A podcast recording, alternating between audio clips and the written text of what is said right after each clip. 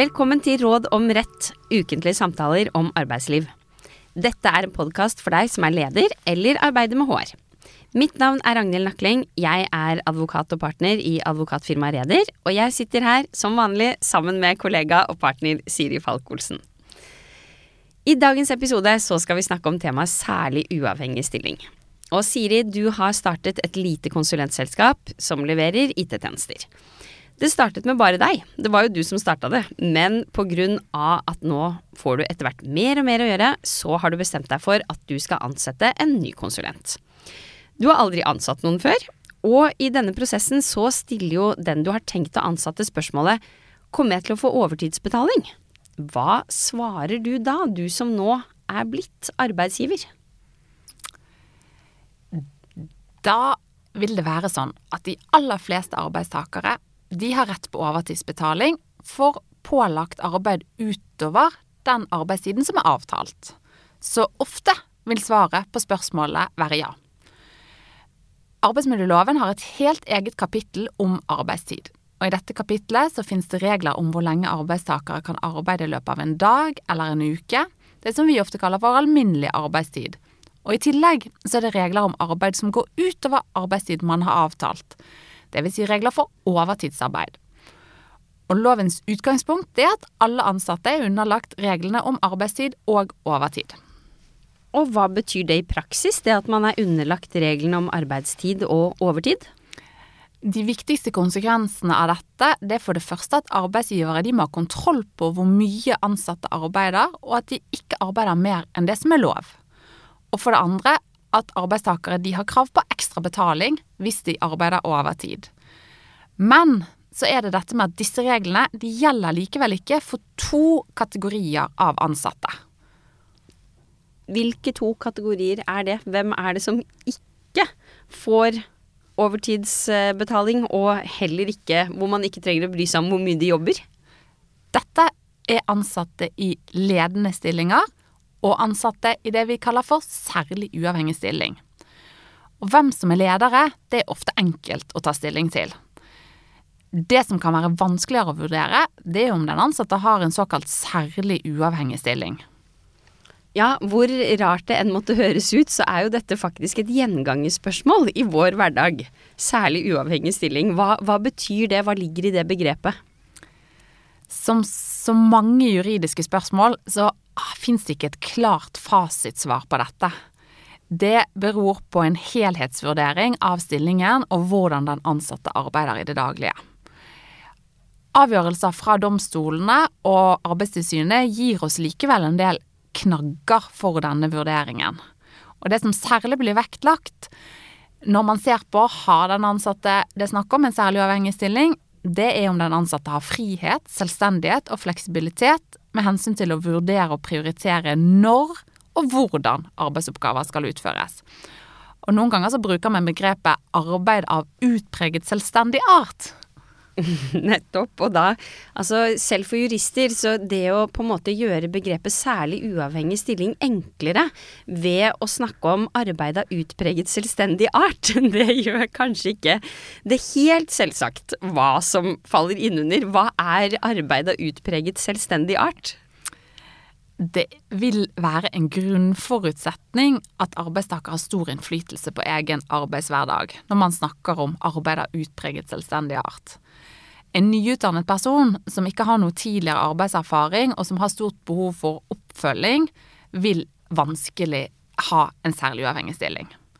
Eh, det samme gjelder strengt regulert arbeidstid og oppmøteplikt. Det vil heller ikke være en særlig uavhengig stilling. F.eks. en resepsjonist som skal jobbe i resepsjonen hver dag fra åtte til fire, har ikke en særlig uavhengig stilling.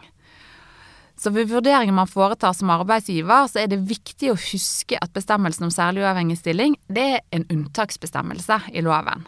Utgangspunktet er det vi snakket om innledningsvis, at alle ansatte som et utgangspunkt er omfattet lovens regler om arbeidstid, og derfor rett på overtidsbetaling ved arbeid som går utover den avtalte arbeidstiden.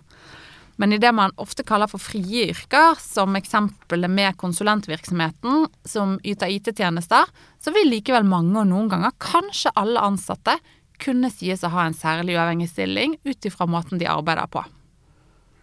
Og du sier at det er en helhetsvurdering. Du sier at det ikke er noe klart definert liste over hvilke kjennetegn som må være til stede for å si at denne personen har en særlig uavhengig stilling. Men hvordan skal da du som arbeidsgiver gå frem i eksempelet vårt når du er blitt gründer, skal bli arbeidsgiver for første gang, og skal avgjøre da, svaret på spørsmålet fra den du skal ansette, får jeg overtidsbetaling eller ikke? For å vurdere om denne ansatte man har tenkt å ansette, skal ha en særlig uavhengig stilling, da er det fornuftig å stille seg en rekke spørsmål. Man bør vurdere har den ansatte fleksibel arbeidstid? Har den ansatte muligheten til å arbeide hjemmefra eller andre steder? Har den ansatte frihet til å vurdere og prioritere hva slags arbeidsoppgaver som skal gjøres? Arbeider den ansatte selvstendig uten dag-til-dag-oppfølging på leveranser? Har den ansatte muligheten til å delegere arbeid til andre? Og til sist et moment som ikke er avgjørende, men som jeg likevel nevner. Har den ansatte et lønnsnivå eller en kompensasjonsordning som hensyntar at, som hensyntar at det kan være behov for arbeid utover avtalt arbeidstid? Og hvis svaret på de fleste av disse spørsmålene ja, da vil kandidaten i eksempelet du nevnte antagelig ha en særlig uavhengig stilling, og da ikke krav på overtidsbetaling. Og da vil det være viktig at dette reguleres og tydeliggjøres i ansettelsesavtalen når denne inngås. At man rett og slett skriver, da. Den ansatte har en særlig uavhengig stilling. Ja, det vil være riktig å få inn i avtalen. Du var inne på mange momenter nå. Er det ett av de, ett av dem, som er viktigere enn de andre? Det tenker jeg må være dette med selvstendighet. Det vil være det aller viktigste momentet, at man arbeider selvstendig og har muligheten til å arbeide selvstendig. Og så er det viktig at arbeidsgiver foretar denne vurderingen, stiller seg de spørsmålene jeg var igjennom, og at vurderingen dokumenteres for de ulike stillingene man har i en virksomhet. Kan man nekte å få en særlig uavhengig stilling? Nei, det kan man ikke. Hvis stillingen reelt sett eh, er en særlig uavhengig stilling, så kan man ikke som arbeidstaker si at jeg vil heller ha overtidsbetaling. Når man da har etablert at denne ansatte har en særlig uavhengig stilling, kan personen da gjøre som man vil? Har de en helt fri stilling hvor man ikke kan instruere dem eller bestemme over dem? Nei, det har de ikke. Arbeidsgivere de har også det vi kaller styringsrett overfor ansatte som har særlig uavhengig stilling. Styringsrett er enkelt sagt at man som arbeidsgiver kan lede og stille krav til denne gruppen ansatte på samme måte som man kan overfor andre ansatte.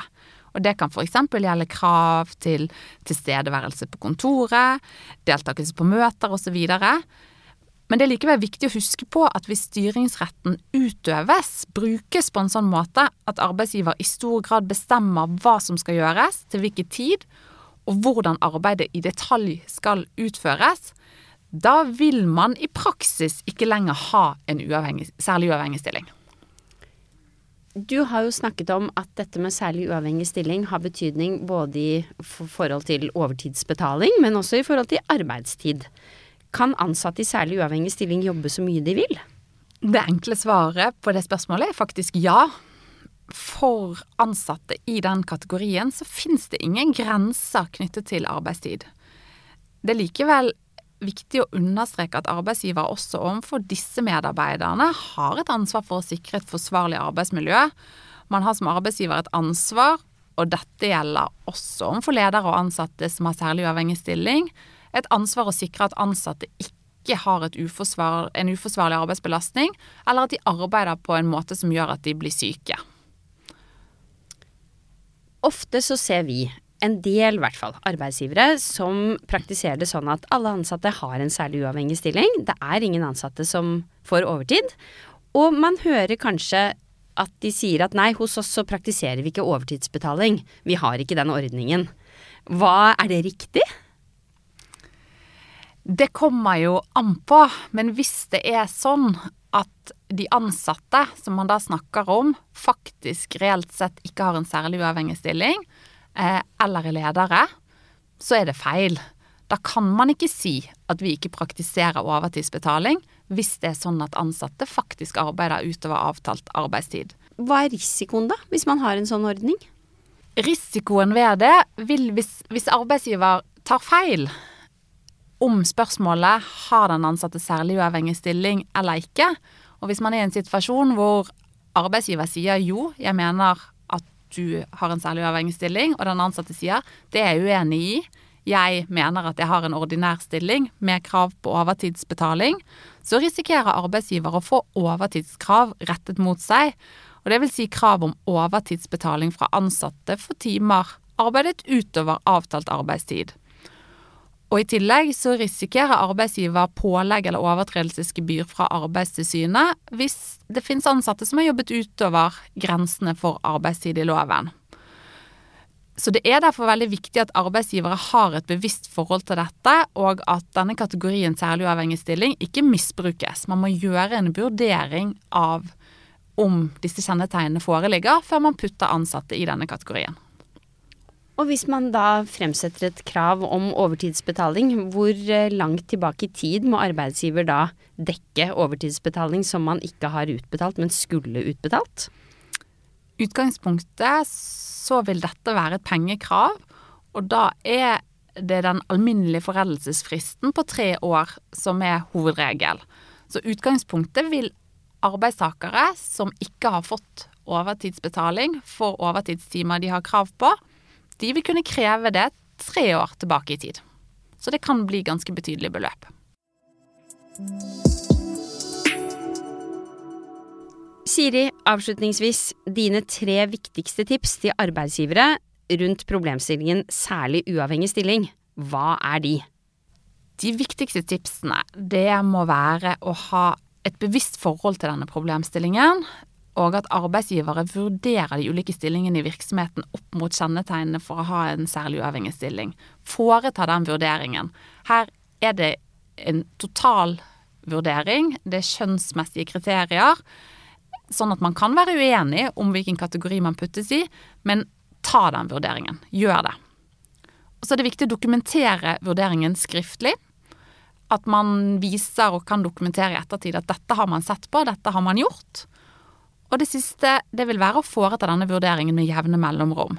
Siden stillinger kan bli endret underveis, og ansatte kan få mer erfaring og gå fra en ordinær stilling til en særlig uavhengig stilling, så er det viktig at ikke denne vurderingen puttes i en skuff, men at man som arbeidsgiver ser på dette med jevne mellomrom. Det var det vi hadde i dag. Vi kommer tilbake med nytt tema og nye tips i neste episode.